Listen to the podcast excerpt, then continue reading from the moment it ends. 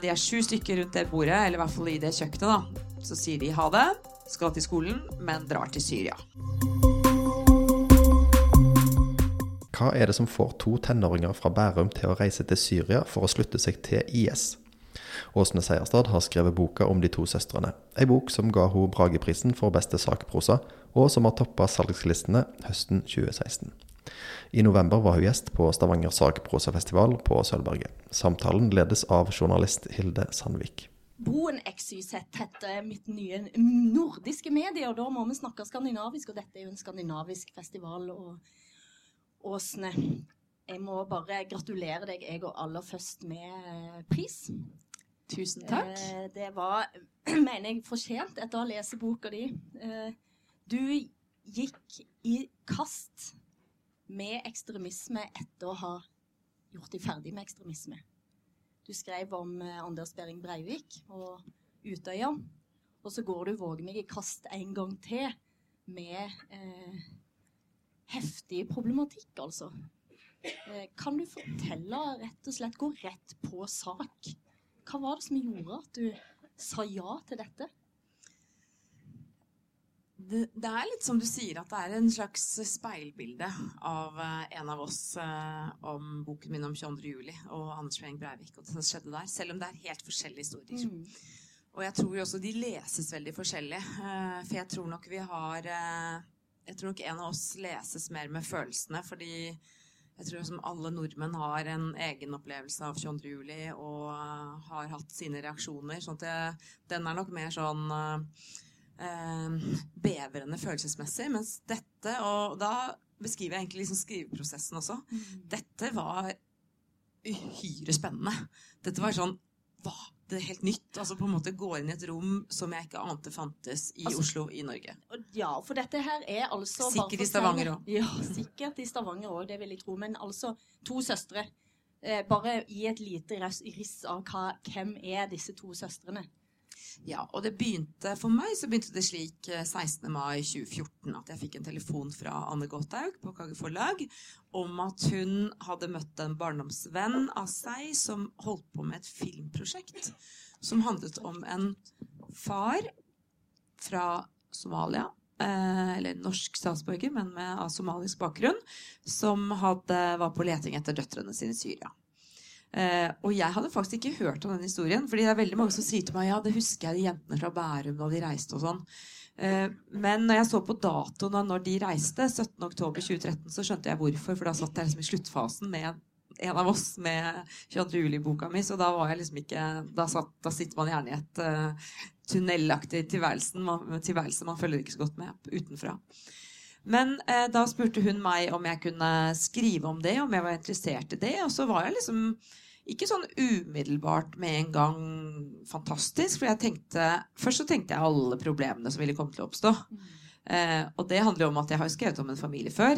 Mm -hmm. Og det gikk jo Du kan jo si det gikk bra, men det gikk jo også veldig dårlig. Det gikk jo endte i Høyesterett. Ja, så jeg tenkte at eh, det er så mange skjær i sjøen når du skal skrive om noen, eh, at jeg alltid sier først Vil du ikke heller skrive selv? Mm -hmm. Sånn at det må de ha vurdert, så at ikke de kommer etterpå og sier den kunne jeg skrevet selv. eller altså Nei, det kunne han ikke. Eh, og så husker jeg første gang jeg da skulle møte den bare noen dager, eller en ukes tid senere, skulle møte faren, som var han som driv, mm. drev prosjektet frem fra start. Så husker jeg at jeg tenkte at eh, nå måtte vi, dette måtte være veldig formelt. Fordi her skulle det ikke være koselig, tenkte jeg. Her skulle, være, her skulle jeg prøve å finne ut hva som var motivet til at de ønsket en bok om seg selv. Hvorfor ønsker en familie en bok om sitt livs tragedie? Altså to søstre. 17.10.2013 sitter og spiser frokost, hele familien. Eh, og de er sju stykker rundt det bordet, eller i hvert fall i det kjøkkenet. da. Eh, og så sier de ha det skal til skolen, men drar til Syria. Har med kofferten? Har med koffert, og det syns jo foreldrene er litt rart. Hva skal dere med kofferten? Mm. Nei, jeg skal låne bort til en venninne. Mm.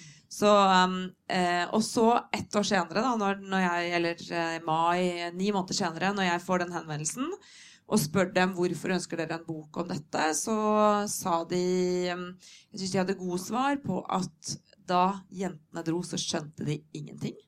Eh, men når de senere begynte å legge ut en del biter og, og, puslet, begynte å pusle ting sammen Det var mye som var eh, fremdeles manglet. Men da så de jo at veldig mange tegnene hadde jo vært der. Eh, og sånn sett så har jo disse jentene gått gjennom nesten en sånn ABC i radikalisering. Altså eh, i dag ville de vært i PSTs uh, søkelys, de ville vært i skolens søkelys, fordi tre år senere så vet vi veldig mye mer. Mm. Nei, for Det er jo det som slår meg når jeg leser denne boken. Så får jeg lyst til å rope høyt til lærer eller til sosialarbeidere eller hvem de nå møter på veien. Så tenker jeg bare Neimen, så naiv det går an å være, da. Har vi bare vært så naive? Men jeg ville egentlig ikke brukt det ordet, fordi at eh, ikke sant, de første fremmedkrigerne som dro til Syria, de dro i 2012. Mm. Eh, og de aller første så var det jo nesten liksom man støttet dem litt. fordi da var det jo sant, Assad, det var kampen mot Assad, eh, som eh, bombet egen befolkning, som eh, eh, gasset egen befolkning, utførte kjemiske angrep. Også, det var jo akkurat det samme som, vi, som han fortsetter å gjøre i dag. Det hadde han begynt med. Så da var de liksom han sto opp mot eh, diktatoren. Eh, og så ble jo den motstanden mer og mer islamistisk. Mm. Også fordi Assad ønsket at den skulle være islamistisk. ikke sant? Han slapp jo løs alle jihadistene han hadde fengslet opp gjennom årene. fordi hvis det var noen diktatoren i Midtøsten fengslet, så var det jo islamistene og jihadistene. Det var de de var mest redd for. Som han nå slapp løs for å få en eh, perfekt fiende. ikke sant? Som, han, eh, som, ikke, som, som, Vesten var mer redd enn de var redd Assad. Det er bakteppet. Eh, disse jentene på 16 og 19 år de reiser bare ett år etter de aller første. De aller mest hardbarka. Så uh, i skolen, når de så at sant, jentene ble jo veldig radikale vil, insisterte på å gå i nikab, altså full tildekking.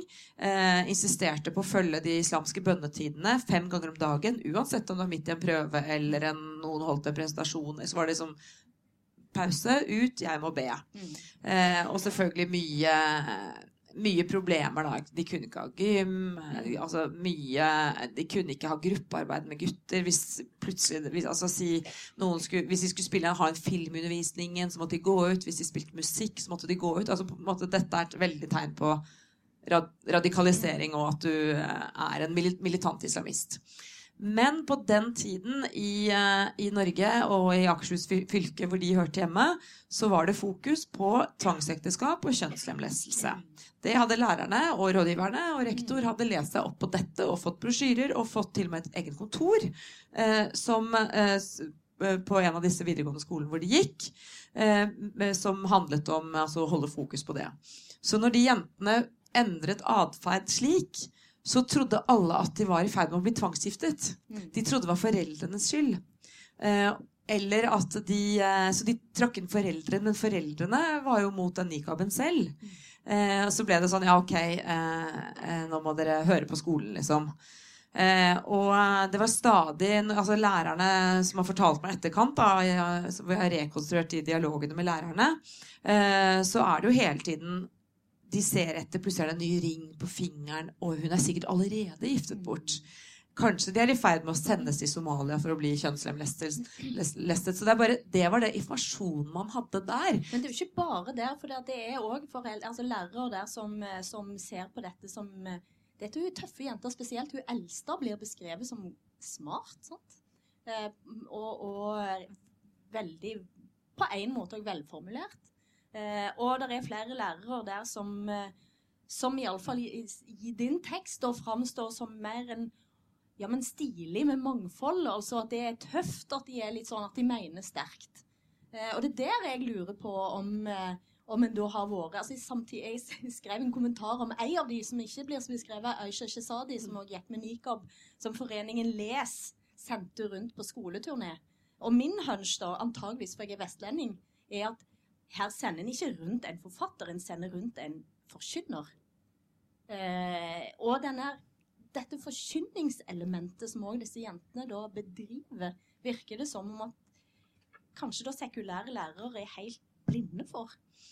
Ja, eh, og, du fikk jo rett eh, i det du skrev den gangen. fordi hun var jo en forkynner. Aisha Shesadi, venninne av disse søstrene. Hun dro også til Syria og er der fremdeles. Mm. Eh, så mm, det, mm, den nikaben er jo et tegn på at du er militant. Eh, for meg så er det mer politikk enn religion, akkurat det plagget. Eh, og selv om de veldig gjerne sier at eh, de tar den på seg fordi det er deres rett til ikke å bli sett, deres rett til å kle på seg, så sier den jo egentlig bare 'se meg, se Mm. meg, se meg'. Eh, ikke sant? De er jo, de, det er jo fåtall eh, kvinner i Norge som bruker nikab, men, men det er jo signal på at eh, jeg er en militant muslim, og jeg vil bli sett. Og det gjelder disse jentene også. Em, men, eh, men og jeg tror jo også at det var en sant? Det var en Det er den derre balansegangen i et samfunn òg, da. Ved at eh, ja, vi ønsker mangfold.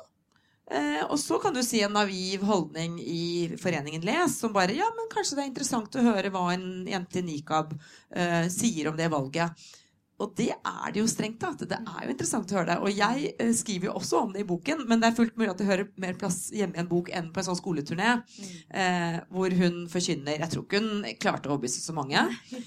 Men, eh, men, men det er noe med den eh, når du sier at eh, Jeg bare liker ikke det hvor naiv jeg er på noen, egentlig. Men eh, fordi at det, hvert fall som jeg fant ut da, gjennom å jobbe med jentene, er at de ble møtt med en enorm velvillighet Ja. I skolen. Og det var litt interessant å oppdage, fordi eh, disse jentene er jo veldig ofte altså Når jeg sier disse jentene, så er det jo da eh, altså, mil, altså militante, ytterliggående islamister eh, og eh, altså altså veldig religiøse, da, praktiserende muslimske jenter, eh, de har en hang til en offermentalitet. Det er en hang til å si at ja, men jeg får ikke lov. Jeg blir undertrykt. Eh, altså, eh, jeg får ikke gå som jeg vil. Jeg får ikke lov å gå kledd som jeg vil. Eh, mens jeg har egentlig oppdaget det motsatte. Og der var jeg sånn Jeg ante ikke hva jeg skulle finne, men hvordan de mm, tilpasser. De tilpasser. Å ja, du kan ikke ha gym med gutter. Ja, men ja, kanskje du kan slippe fotball. Ja, men Kanskje du kan slippe Kanskje hun ene som vil ikke kunne dusje med de andre jentene. Så fikk hun lov å dusje i lærerens garderobe. Og til slutt ha en gym på utsiden av skolen, nesten, ba hun om. I alle fall Ja, til slutt så, sant, så fikk hun Det var det var sånn treningsrom på den ene skolen, for de hadde også en toppidrettslinje. Eh, og da hadde hun liksom så, Jeg kan ikke ha gym for det er musikk, jeg kan ikke ha gym eh, fordi det er gutter, osv., osv. Eh, hvor læreren går liksom fra skanse til skanse. Og dette er en lærer som legger opp læreplanen eh, til, eh, i kroppsøvning etter ramadan. Mm. Ikke sant? Ramadan en måned hvor mange av disse, i hvert fall de over 18, faster. Eh, så er hun sånn Ok, men da har jeg ikke hardtrening. Så hun er på en måte du kan si, absolutt en, en kompromissvillig lærer. da. Mm. Eh, og til slutt så sier hun da til hun eldste jenta som går da i tredje klasse på videregående, at ehm, eh, du kan få lage ditt eget treningsopplegg. Du kan eh, sitte på spinningsykkel, måle progresjon, lage et program, og så skal, du, skal jeg sette en karakter på deg alene, du skal slippe å gymme de andre. Eh, drømmesituasjon. Eh, men det gikk noen uker før hun sa, hun Ayana, at eh, nei, jeg kan ikke fortsette med det treningsrommet. Eh, hvorfor ikke? Nei, jeg kan bare gjøre det hvis jeg har en garanti på at ingen andre kommer inn i rommet. Eh, og da har skolen allerede gjort den, altså den tilpasningen til henne. Eh, for hun sier For det er nemlig tre dører inn i rommet. Hvem som helst kan komme inn når som helst. Eh, det var jo ikke et rom hun skulle egentlig ha alene. Og så spurte jeg hun læreren i dag, da, så spurte jeg hva tenkte du da? Og så sa hun eh, da trodde jeg hun var gal. Yeah. Eh, nå er det jo ikke det, men det er på en måte hun skal tilpasse seg. Eller saken er hun ønsket ikke tilpasning. Hun ønsket fritagelse. Hun ønsket å lage politikk. Hun ønsket å være en foregangsfigur og lage presedens ved at det skal være religiøst Altså det skal være, religion skal kunne være en grunn til å bli fritatt fra kroppsøvning. Ja. Derfor ble hun bare irritert på alle disse tilpasningene som lærerne hele tiden prøvde å gjøre for henne. Det endte med at hun sluttet å møte opp, og det endte med at hun ikke fikk karakter i gym. Det endte med at hun, som hadde eh, femmere og til dels seksere i alle fag, ikke fikk vitnemål. Mm. Så hun saboterte på en måte sin egen utdanning ved, ved dette her, da. Ja, og det er jo helt, eh, opp, altså helt åpenbart når hun da kommer med nikab, f.eks. Eh, og møter da faktisk en rektor som sier nei, men det er ikke lov. Der hun bruker da alt det hun kan og sier, men hvor i opplæringsloven står det? Eh, så skjønner du at her er det et menneske som faktisk ikke heller Fordi det er lett å tenke seg at ja, men skolen skal kunne da sette en sånn Her går den grensa. Ja, vi skal ha juletre, for å sitere Maladen. Eller ja, vi skal gjøre det på denne måten, og det det Altså, her er jeg rektor, og her styrer jeg. Men det viser seg jo da at eh, jenter som Ayane og Leila, som de blir kalt her i, i, i denne boka, de bruker da på en måte det, det demokratiske sinnelaget de har blitt oppdratt i, og vender det mot. Sant? Ja, og det syns jeg er veldig interessant hvordan de både i retorikken sin og i fremgangsmåten sin er veldig norske. Mm. Eh, og som rektoren sa eh, til meg etterpå at de var vel reist, at hun hadde alltid vært litt imponert. Fordi at eh, nettopp Ayan, da, som var hennes elev, eh, Leila, lillesøsteren, gikk jo på ungdomsskolen på det tidspunktet, så hun eh, var mer i kjølvannet egentlig av storesøsteren. Eh, men eh, når, når, eh, At hun spør om paragrafer. Hvor står det? Hvordan kan jeg Med hvilken rett har du til å mm. så, Det er jo sånn vi ønsker at elevene våre skal være. At de setter seg inn i ting. Mm. At de stiller spørsmål. At de ja, rett og slett er aktive, da. Eh, og så endte det jo opp at, eh, at det ble sendt en, en, eh, et krav eller forespørsel. Dette gjaldt den nikaben. Eh, om å få bære den nikaben. Så ble den oversendt til Akershus eh, fylkeskommune. Og der ble det et politisk vedtak om at det ikke var lov. Og da, da, hadde på en måte rektoren ryggdekning på det, men inntil da hadde hun bare en på en måte da måtte hun bruke den regelen som da sto i opplæringsloven, at elever skal følge rektors instruks. Mm. Fordi det hadde jo Ayan funnet ut. Det står ikke noe om klær. Mm. Og det gjorde det ikke. Mm. Eh, nå har det kommet inn i Akershus fylke, men det er jo nettopp den debatten som er i Norge i dag. Ikke, vi har ikke en generell lov på det, så det er, opp, det er liksom skoleeier, som det heter, og det er fylkene mm. som kan bestemme det. Og det er vel, bortsett fra Akershus fylke, så tror jeg det er ingen fylker i Norge som har bestemt eh, eh, ja, ja, eller nei på akkurat det, da. Og, men så, så, så, så, reiser de faktisk til en grusom konflikt. konflikt og du har da skrevet på en måte et portrett av to jenter som overhodet ikke vil delta i din eh, Altså, de har jo ikke, delt, de har ikke bidratt med noen ting. Hvordan har du da klart å skrive Altså, hva er det du har gjort for å skrive denne historien? Ja, nei, Da må man jo bare begynne å sirkle inn. Eh, og så tenker jeg sånn i etterkant altså Det er jo to måter, eller selvfølgelig 100 måter, men si det er to hovedmåter å, å skrive en biografi på. Eh, den ene er på en måte samtaleboken. Det vil jo bli den, liksom, den ekstreme retningen der. At uh, jeg skal skrive biografi om deg. Uh, og forholde meg til Nei, men uh, som metode, da. Forholde meg til det du forteller meg. Mm. Ok? Og 100% din versjon av det. Så er det da at du nekter å bidra. Så begynner jeg å snakke med søsteren din og broren din og mor og faren din og alle lærerne du har hatt, elever, alt det. Og så får jeg også tilgang til alle dine papirer. Og der ser jeg mm, der er litt mobilnumre, altså lister, mailadresser. Begynner jeg der, og så ser jeg at du har skrevet en del ting i noen bøker. Eh, og så går jeg inn i de stedene der du jeg vet du har gått. ikke sant? Jeg blir medlem, holdt jeg på å si. Eller jeg, blir ikke medlem, men jeg går inn i de organisasjonene der du har vært medlem, som Islamnett, osv. og, Mm. Eh, og så kan man spørre seg hva er det beste, mest interessante boken om deg. Mm. Eh, og da tenker jeg at eh, selvfølgelig kombinasjonen er det beste, men jeg tror altså den siste versjonen er det sånn som jeg har jobbet med de jentene, da. Altså jeg på en måte, De vil ikke bidra, men da må jeg til gjengjeld da finne alt det rundt dem. Eh, og det er klart, det som mangler, det er mange ting som mangler, men det som jeg kanskje har savnet aller mest, er jo eh, deres tvil. Mm. Hva de egentlig tenkte f.eks.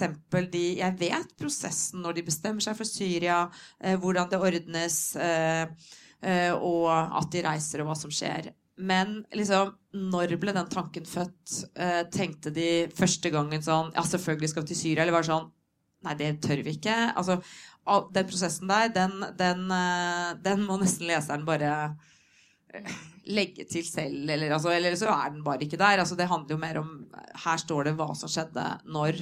Eh, hvilken eh, Hvordan de parallelt går inn i Hva de skriver i notatbøkene sine. altså de, de tingene er der, men, men ikke, ikke, helt hva de indre sett tenkte. Men, men, det tror jeg de aldri ville fortalt meg mm. uansett. Det er to parallelle historier. Jeg har lyst til å, Vi skal snakke om eh, far. Kanskje litt mor òg, men, men, far og, og bror. Eh, men det er en figur her eh, som er denne koranlæreren som blir vel kalt Mustafa. Han heter, eller han kaller seg Mustafa. Det er hans eget Ja. eh, hva skal vi si, pseudonym, eller mm. Ja. Og han, sånn som jeg forstår det, så er han, han av mødrene det er, Og det er faktisk ganske ubehagelig å tenke på at det er så mange mødre eh, som driver barn inn i den ene radikaliseringen etter den andre. Eh, som, jeg, som jeg syns er som jeg, som jeg, Ja, rett og slett gjør meg vondt å lese. Eh, eh, denne redselen for at barn skal bli for norske, f.eks. Men denne Mustafa, han opererer jo fremdeles. Eh, altså Vet du noen ting om hvor han opererer nå? Er, er PST liksom festa på han? For han har, eh, han har tydeligvis ganske mye han skulle ha sagt da, eh, i disse unge, unge hjertene.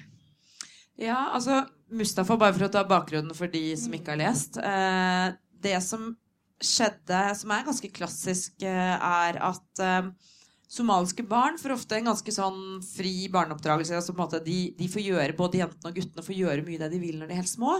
Ikke sant, Være med på ting eh, og eh, Spille fotball, Og, Spille fotball og, og Ja, de var på svømming og Og så eh, blir de i begynnelsen av tenårene, og så er det da er det ofte da mødrene som blir eh, redde for at de blir eh, for norske. Det er i hvert fall det som skjer med denne, disse søstrene og den eh, gjengen de er i.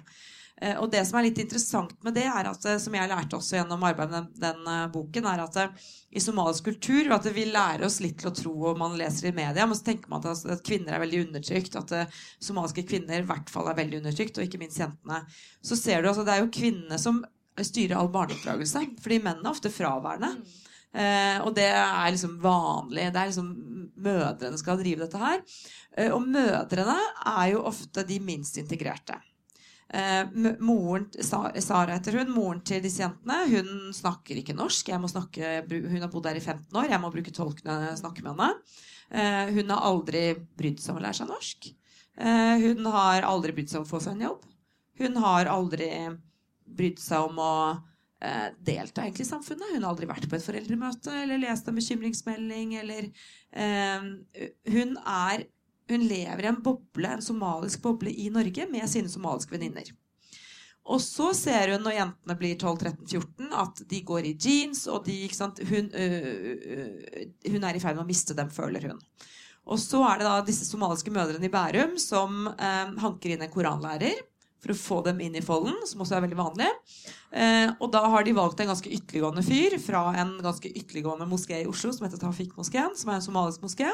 Og han heter Mustafa, og han er veldig flink lærer. Han er veldig karismatisk, og han driver eh, på en måte sånn sakte en sånn um, Han virker å ha, da, selv om ikke han innrømmer det, han virker å ha et sånn radikaliseringsformål i sin undervisning.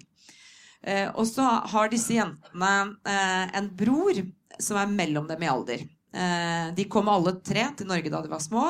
Ayan var seks år, Ismail var fem, Leila hun minste var tre. Han er også med på koranskolen, fordi han har ikke noe valg, han heller. Selv om han er ikke så interessert som dem, så er han liksom, han sitter nå der.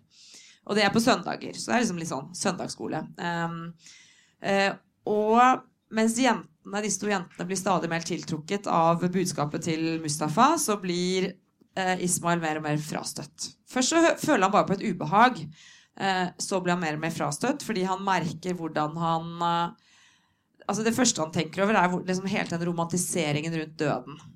Romantiseringen rundt etterlivet. Altså fokus på at dette livet vi lever nå, det er ikke det virkelige livet.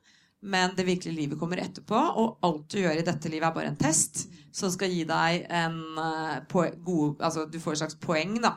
Hvis du gjør de riktige handlingene i dette livet, som gir deg en god plassering i paradiset eventuelt, hvis du er så heldig at du havner der. Men at han også lefler med, med terror, altså i betydning at han på en måte Han vil ikke ta avstand fra ikke ta avstand fra Al Qaida eller Al Shabaab eller eh, disse organisasjonene. Og så går jo Ismail til moren sin, som jo har betalt av sin Nav-støtte til denne læreren. Det har de gjort, eh, alle disse mødrene. Eh, Og jeg sier ikke det som Jeg mener ikke å være nedlatende overfor noen, men, men her, er det et, her har vi et politisk problem i Norge. At det er fullt mulig å bo i Norge og ha barn, operere, men det er ikke noe krav om å lære seg norsk eller delta. ikke sant? Men i hvert fall, de, de bruker sine sosialstønader for å sponse denne koranlæreren. Ismail går til moren sin og sier vet du hva, han støtter Al Qaida. Han er farlig, sier han. Og moren bare vifter han vekk. Og som hun har sagt til meg i etterkant, hun trodde han bare ville komme seg unna koranskolen. ikke sant? Han kjedet seg, han ville heller spille fotball. Så hun var sånn Du har sikkert hørt feil. Eh, og så eh, er det jo denne, og det innrømmer jo foreldrene i dag, det er jo denne koranlæreren som i hvert fall de legger skyld på. Eh, at, eh, at han fikk jentene eh, i hvert fall de første skrittene på veien, og så går de videre selv ikke sant, inn i Islamnett og, og videre eh, mot Syria. Eh, men når du spør hva han gjør i dag altså han, Ja, han har vært inne hos PST i veldig mange omganger. Men han er god til å ikke et, liksom legge igjen elektroniske spor eller snakke om uh, ulovlig eller på en måte uh, kriminelle ting, som jo rekruttering er uh, i Norge, eh, på telefon. Så de har ingenting på han. Altså, han har vært inn til veldig harde avhør. Mange av vennene hans har blitt trukket inn eh, til avhør for å snakke om ham. Eh, men de har ikke noe på ham, og han eh, fortsetter som koranlærer, ikke lenger under den moskeen. Fordi den moskeen er altså eh, nå redd for å bli på en måte assosiert med ham. Eh, på grunn av det min bok, men også på grunn av eh, faktisk, i forkant av den, altså, for det, det, familien hadde vært ute og kritisert han før jeg skrev om han. Eh, men det var litt interessant når jeg fant ut at han også har en bijobb som var å være vekter på Universitetet i Oslo. Eh, går kveldsrunder og nattrunder og som var litt sånn Ja vel, ok. Nei, men da er det vel ikke noe farlig med han, da, hvis han får lov å ha en sånn jobb. Eh, men nå har han sluttet med det. Nå driver han et transportfirma. Ja, nettopp. Men altså, dette er jo en historie Ja, det er to søstre som reiser til Syria, men det er jo virkelig det er For det første så er det jo en historie om det politiske spillet før og etter og rundt eh, det som har blitt en kjempekrig og grusom katastrofe for et land og folk, og for hele Europa eh, og for naboland.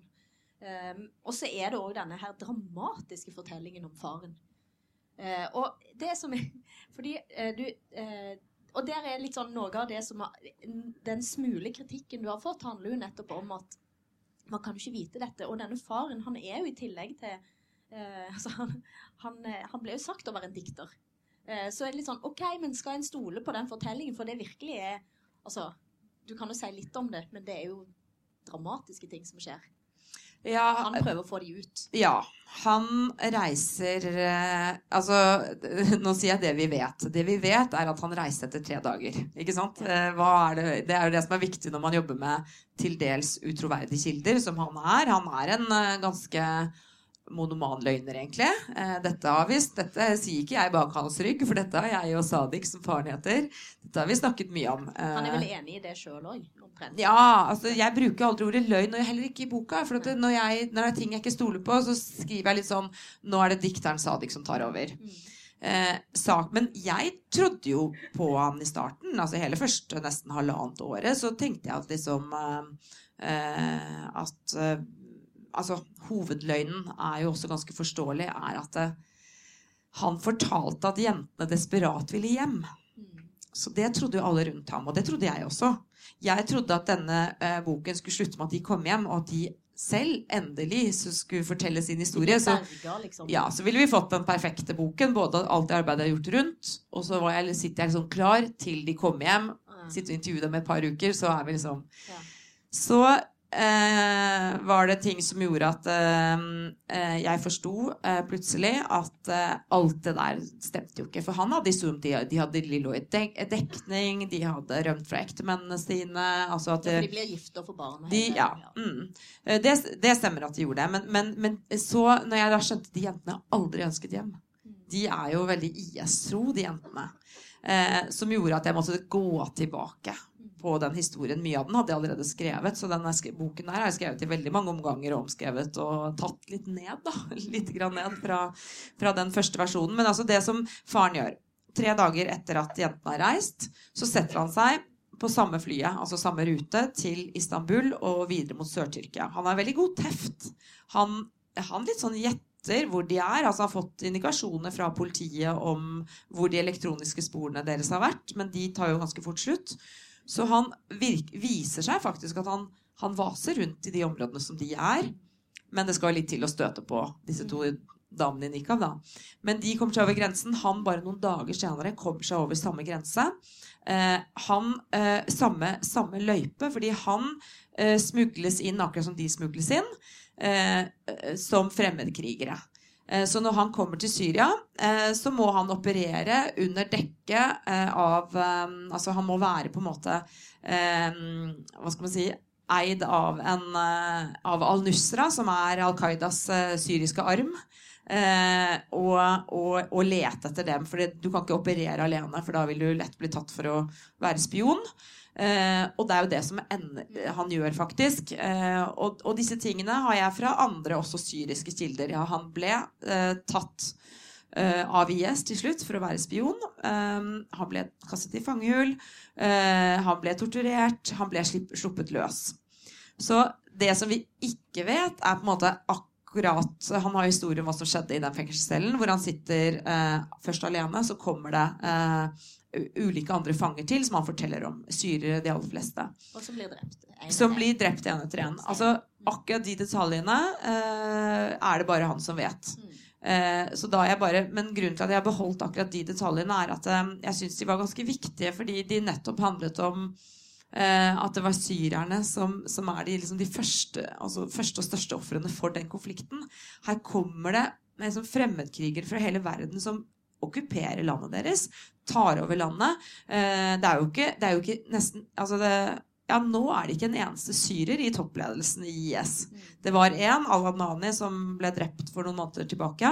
Eh, men ofrene er primært syrerne? Som, som blir eh, tatt for å ha en kartong sigaretter i bilen sin, eller for å krysse ut en grense inn i et territorium bare fordi de skal være i olivenlunden sin. altså på en måte Han hadde veldig Eh, en av disse ofrene som han sitter med, eller en av de fangene, en ung bonde som har fått beskjed om at han bare kan være i halve olivenlunden sin, fordi den andre er eh, et territorium som IS kjemper mot kurderne i. Og så er det en dag da han går over dit, blir tatt, eh, blir kastet i fangehull. Nødvendigvis ikke at eh, det er dødsstraff for det, men saken er at denne unge bonden, han opponerer og sier 'dere har ikke noe rett til å ta meg'. Eh, jeg bor her, jeg er herfra, jeg er syrer, dette er mitt land. Så han på en måte han slår i døra. Han, han, måte, han, han tar igjen. Så, så, derfor ender han også opp da på skafottet, um, ifølge Sadik. Det er jo igjen bare han som kan, kan bekrefte akkurat den historien. Men, men, det er veldig, til slutt så er det veldig begrenset, uh, det som jeg lar han være enekilde på. Uh, nettopp fordi jeg også opp gjennom i boken avdekket løgnene hans da. Ja. Nei, og det er det som, det som, gjør det veldig interessant og levende og, og sterkt å lese boka, er jo òg de in, interne beskrivelsene. Nesten altså de er jentene igjen, da. Altså kvinnenes rolle i disse konfliktene. sant? Der jentene altså En slags sånn rosablogg på jihadist-bride-vis. Der de skriver om nutellaene for å fotografere. Altså de er dagligdagse greiene i denne ekstremt eh, grusomme verden. sant? Men det er Og der lurte jeg på, fordi en av de historiene som, som, som beskrives her, er jo Vi snakket om Aisha Shizadi. Som vi da får, som får et barn med Afan Bhatti, som vi jo kjenner alle, holdt jeg på å si. Uh, hun tar med seg det barnet. Det barnet dør. Og det vet en, at det barnet er dødt. Men uh, du gjengir måten det barnet iallfall som blir omtalt, blir drept på. Og skal ha blitt drept av en annen norsk islamist som reiste han chileneren som var der, Velasquez, eller ja. Vaskes. Vas Vaskes. Vaskes. Vasquez. Eh, som, eh, sant? Og det er eh, og, da, og, det tenkte jeg OK um, Hva tenker du om den? Altså, stoler du på at det er, at det er den, den, historien som er fortalt av Aisha Shizadi sjøl på meldinger til ei venninne i Norge? Altså, er det Til flere altså, venninner. Ja. Mm. Tror du på det, eller er det Ja, jeg tror Ellers så ville jeg ikke skrevet Nei. akkurat den historien, en for den er jo En mishandla en to år gammel gutt til døde, rett og slett. Mm. Ja. Nei, det er en uh, helt forferdelig historie, og grunnen til at jeg har den med, er jo mange, mange ting. Altså, én uh, ting er at det viser noe om uh, disse En del av mennene som reiser. altså halvparten, to tredjedeler, har en kriminell bakgrunn av mennene. Kvinnene er en helt annen gruppe. Du ser disse eh, Ayan og Leila som var toppstudenter og eh, skrev særoppgaver om Hamsun og på en måte var veldig velintegrerte før de bare snur seg mot det islamske. Så er guttene en helt annen kaliber. Eh, og det er jo forskningen som viser bakgrunnen til de som eh, verver seg til IS. Eh, det er eh, stammeprofil som en ungdomskriminell, stort sett. Mange har også diagnoser. Eh, det var en dansk bok eh, som heter Danmarks unge i hellig krig. Mm. hvor du ser at veldig mange av de har faktisk også en psykisk diagnose. Mm. På ulike vis. Det kan være alt fra asperger til mer psykopati. Eh, som nok gjelder Bastian Vasques, ikke sant. Eh, det er, jo, det er jo Han var jo inne til politiet også med mm, Han har jo hatt et annet barn også som han planla å gjøre til selvmordsbomber. Mm. Som er, står i politidokumenter. Eh, så her, eh, når han da eh, plutselig blir stefar til, eh, til dette barnet så jeg tror ikke han hadde tenkt å drepe det, men, men han slår litt for hardt på et eller annet tidspunkt. Og barnet får et illebefinnende eh, mens han slår. Eh, kaster opp og blir kvalt av sitt eget oppkast. Blir det sagt i meldinger? I ja, og det blir beskrevet, det blir tatt bilde av. Eh, dette ja, dette er jeg 100% sikker på er skjedd. Og dette har jeg også. Altså dette Ja, de har flere kilder enn de mm. venninnene til Aisha eh, på det. Ellers hadde jeg ikke turt å skrive det. Eh, men da tenkte jeg at altså det er I dag så er det ifølge FBI så er det 30 000 gravide kvinner i kalifatet. Eh, det er tusenvis eh, av Altså til sammen, da. Eh, av, av, barn. Det er hundrevis av mødre som har tatt med småbarna sine til Syria. fordi de tror, og har trodd, som disse jentene har trodd, at de skulle skape det perfekte samfunn. De har jo ikke dratt dit for at, for at de skal bli drept av ungdomskriminelle psykopater. Men de har hatt en sånn Ja, de har vært på sånne koranskoleseanser eh, som hos Mustafa, ikke sant? Hvor, hvor, hvor alltid Norge og i Vesten er skittent. Det blir stadig mer skittent jo mer du snakker om det. Mens der skal de skape det rene, det rettferdige eh, samfunnet som er styrt etter Guds lover. Og ingenting er bedre enn Guds lover. altså Vakrere kan det ikke bli. Det er de Da kan vi begynne å snakke om naivitet igjen. ikke sant? Tankene til noen av de unge jentene som har et lite barn, som tar med seg barnet. altså eh, Dette er virkeligheten. Eh, og det må fortelles. Eh, og om man kan avverge én fra å reise Nå er det jo nesten umulig å reise lenger, da, men eh, det var det ikke mens jeg jobbet med boken. Eh, hvis man kan avverge én fra å reise ved å fortelle hva som kan skje i verste fall, for der har du ingen sikkerhet. Det er ikke sånn at hvis du mistrives i kalifatet, da har du ingen steder å henvende deg til. Det er ikke sånn, Du har ikke noe second chance. Det er en enveisbillett. Eh, og som disse jentene, disse søstrene, eh, er veldig klare på. Eh, de skriver jo til foreldrene at vi har, kommet, eh, vi har reist hit for å dø. Eh, og det er kanskje den realistiske De har vel en mer realistisk faktisk forventning eh, til livet der. fordi det, det er tross alt etterlivet som er det viktige. Mens noen reiser av naivitet og med tro på at hvis jeg ikke trives, kan jeg komme tilbake igjen.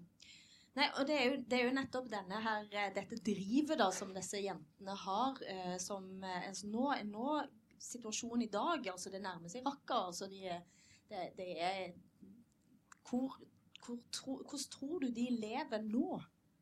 I dag? Nei, jeg snakket med faren deres i forgårs. Eh, og da, Han har ikke hørt fra dem siden i september. Og så faktisk siste gangen han har hørt fra dem, er fremdeles med i boka. Så, så aktuell er den. Eh, begynnelsen av september, hvor de ringte for å gratulere med id, eh, den muslimske høytiden. Eh, de har ikke ringt siden, men det er noen venninner av dem som har ringt sine foreldre. Eh, og som faktisk sier nå at nå er det, det er mindre av alt. ikke sant? Det er ikke eh, Saken er foreldrene kan ikke ringe dem, de kan bare ringe den veien. Eh, de ringer når de kan. Ja. Eh, men at det er, ikke sant, det er dårligere med forsyninger, det er eh, Altså alt har liksom bare Selvfølgelig. Eh, ifølge Sadik så er liksom maten går til krigerne, ikke, ikke lenger. Altså de, de har levd ganske bra. ikke sant? De har sendt bilder. Jeg har sett bilder av de barna deres med liksom tipp topp nye, flotte babyklær. Forskjellig, hvor du ser oi, de har mange babyklær. Alt er helt nytt. Alt er helt rent. Eh, det har stått et sånt glass med sant, uh, ulike typer mangojuicer. Altså liksom, du ser at her har de fått mye forsyninger. Eh, så har de jo selvfølgelig tatt over ting mm, og fra husene til de flyktende syrerne som kanskje befinner seg i Stavanger eller i Oslo eller i en flyktningleir i Libanon. Eh, de tok seg til rette i deres eh, hus og, og, lever jo i stjålne hus i så måte, men at de også har fått helt nye ting, ser du. Det er det slutt på nå. Eh, nå er eh, mange veier stengt. Eh, og krigen tetter seg til rundt Raqqa. Jeg har lyst til å bruke de siste minuttene på broren. Eh, rett og slett fordi at han er veldig sentral. Eh, og han eh, altså, jeg tenke, altså, når jeg leste denne boka, så tenkte jeg han må være en av de tøffeste i landet i øyeblikket.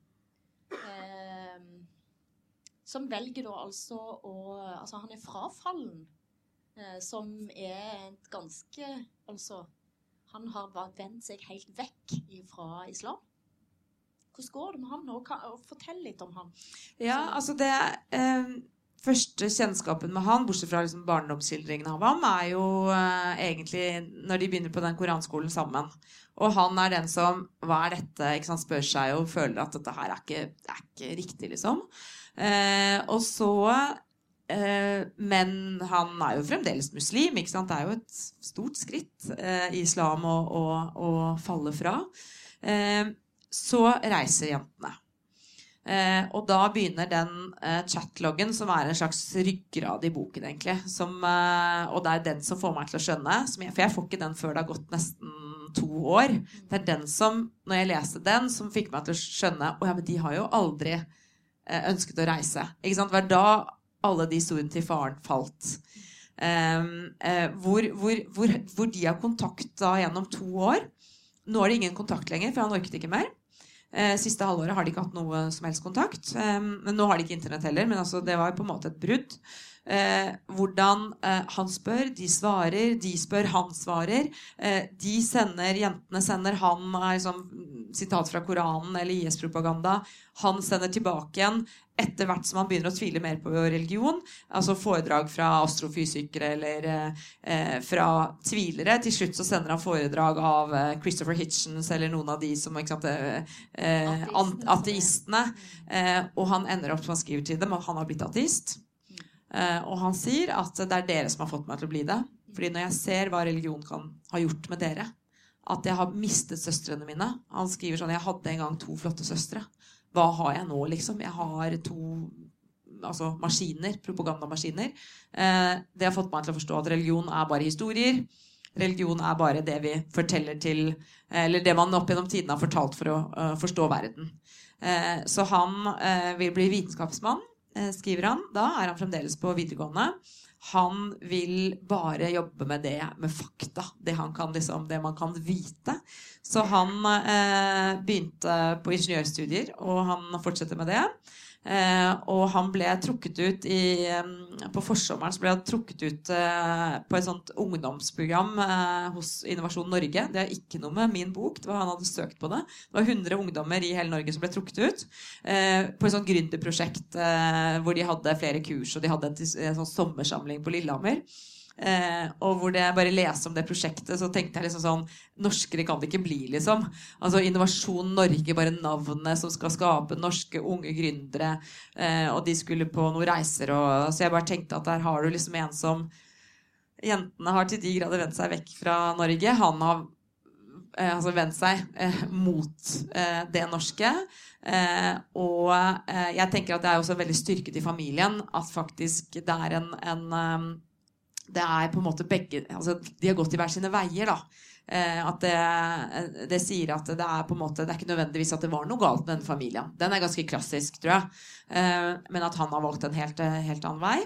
Og klarer seg veldig fin, og er også veldig klar på Jeg syns han er veldig klok til å være så ung som han er, ved å være unna media. ikke sant? Det gjorde han veldig sånn Jeg var veldig, hadde noen samtaler med han på det, om han ville gi intervjuer, sånn som foreldrene har gjort. Men han var bare 'jeg vil holdes utenfor'. Eh, og det jeg har å si, har jeg sagt i boka, og det tror jeg er veldig lurt han. Nettopp eh, han Ingen vet Jeg sier ikke hvor han studerer. Eh, ingen vet hvor, eh, hvordan han ser ut. Eh, navnet hans eh, er endret. Så han står ved det, og han er ikke noe sånn å legge skjul på at han har vært med på den, men han trenger ikke at Norge skal vite hvem han er, da. Så, eh, eller at uh, islamistene på Grønland skal vite hvem han er, for å si det sånn. Uh, men uh, han, er, han, er, en helt, syns jeg, i forhold til å både foreldre, fortelle jentenes historie og dele de chatloggene. og tatt sitt eget valg. Mm. Nei, og Noe av dette skal vi jo da diskutere, tror jeg, i kveld. Eller det vil si, det er jeg som bestemmer, for da skal jeg lede en samtale. En jeg gleder meg til. Vi skal snakke om vi skal snakke om på en måte dagens situasjon i, i, i Norden. Og da vil det bli aktuelt å, å diskutere nettopp det. Altså hva skal, hva skal til for at flere òg tar det valget som Mustafa har tatt. Og, og, ikke Mustafa, kanskje, for det var koranlærer. Ikke Mustafa, Ismail. Ismail.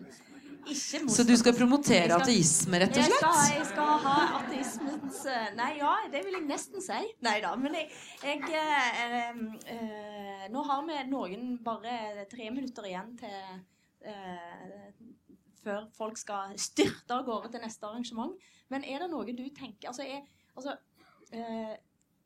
det, er en liten kim av den debatten som var rundt bokhandleren, og rundt, eh, rundt denne boka her, og med kildebruk og, og, og sånne ting. Altså med Ja, men altså Dette kunne f.eks. veldig mye her kunne ikke stått i en, i en avis, sånn uten videre iallfall. Um, hva er ditt svar til det?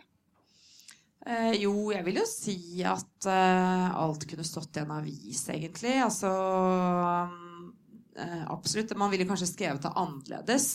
Eh, og så har man jo en større tilsvarsrett i en avis. Eh, I en bok så har du ikke tilsvarsrett. Og det, det, tenkte jeg også den siste boken For det er noen som har klaget på at ja, men jeg fikk ikke svare ordentlig på ting og sånn. Eh, men det er jo fordi de ikke ville samarbeide. Eh, ikke sant? Jeg kan jo ikke, Når folk ikke vil samarbeide, så kan ikke jeg da Ok, dette er det jeg har. Eh, fordi da eh, vet jeg ikke hvor de vil gå med det. på en måte Så hvis de velger å ikke la seg intervjue, ikke ville, ville fortelle noe, så får de heller ikke vite noe før boken kommer. Og jeg så det med, var intervju med Jens Stoltenberg i forhold til den boken hans. Eh, og da ble han spurt sånn Altså, for han, jo, han, skriver jo en del negativt, selv om det absolutt ikke er den mest negative politikerbiografien. Så ble han ble han spurt om ja, men de du skriver om, fikk de vite noe på forhånd? Nei, nei. De får bare vite når boken kommer. Så tenkte jeg sånn ja, Har han blitt kritisert for at han ikke har informert folk? Så, så, sånn er det litt. Det er bare bokens form, og det handler litt om trykketid. ikke sant? At eh, Hvis noen skal i avisen i morgen, eh, så, så, så, um, så, skal man kunne få, få svare. Men, men, det er så lang trykketid. altså så vil jo ja, så Man er redd for at de skal ødelegge ting, da. Så, jeg har ofte ja. tenkt som journalist at jeg også skulle ønske at jeg slapp samtidig møtegåelse. For det er strengt tatt noe herk, hvis en skal være helt ærlig. Men, jo, jeg, jeg, jeg går, men det er bare et lite bare for en sånn teaser til i kveld, da. Eh, fordi i, i denne eh, boka så ligger der kimen til veldig mange interessante diskusjoner om islam.net, men om skolesystem, om hvordan vi møter altså problemstillinger som vil bli mer og mer aktuelle. Eh, på hva måte tenker du at denne boka best kan Altså hvordan eh, kan en få til den diskusjonen som denne boka egentlig legger opp til? Uh, nei, altså jeg er jo opptatt av um, at uh, jeg, liksom, jeg tror jeg har en litt sånn folkeopplyser i meg, en sånn for formidler. At jeg er litt sånn opptatt av hva folk at, uh, diskuterer i de tusen hjem. Fordi at Jeg er litt enig med deg at den, den, legger opp til en mye større debatt enn det som har skjedd. Den er ikke sånn sett blitt plukket opp som veldig i det politiske miljøet, selv om jeg har vært og blitt invitert og snakket eh, hos eh, Arbeiderpartiets internasjonale seminar, eller nå skal jeg snakke med aspirantkurs i UD. altså det er liksom, Eller eh, ulike militære samfunn. altså Jeg blir invitert veldig mye rundt, men det har jo ikke blitt noen stor mediedebatt av hva som egentlig foregår i Islam Nett, og hva som egentlig foregår i, i moskeene rundt om i Oslo. Jeg tror, at man, jeg tror det nesten må være at man er litt redd for det. Mm. Eh, fordi altså, jeg var forberedt på en mye større storm. Jeg syns det er litt deilig at den ikke har kommet. For jeg, var liksom, jeg så for meg at jeg måtte stå i rette med forstanderen i Tawfik-moskeen, som jeg kritiserer ganske kraftig. Men fordi ikke den stormen har kommet, så har jo han også sluppet å forsvare seg. Um, så, så, jeg vet ikke. Jeg tror kanskje man er litt redd for å kritisere um, dette her. Og så har jo også debatten i Norge blitt til dels eh, eh, polarisert. At du har på den ene siden har du på en måte de som Si du har eller Hege Storhaug eller de som til dels driver et slags korstog mot islam. Eh, og så har du på andre siden eh, folk som, eh, som er mer unnskyldende i forhold til eh, ja, mangfold og det som jeg også beskriver, at det er jo sånn man egentlig vil ha det i Norge, at alle skal få lov til å kle seg som de vil. og så kan vi ikke tilbake til den, eh, den, eh, til den, den friheten. Eh, mens jeg tenker at jeg står verken det ene eller andre stedet. Jeg bare Dette er det jeg fant. Eh, Dette er en, eh, en, ja, en, en start for meg å gå inn i dette. For dette var, altså jeg ble ganske sjokkert selv over hva jeg fant eh, midt blant oss. Eh, Det, altså, jeg, jeg tror jeg skrev på Facebook mens jeg leste denne, at for meg så er, er dette å lese masse journalistisk unnlatelsessynd eh, mellom to permer. Men tusen takk, Åsne, og tusen takk til publikum. Er det luft igjen?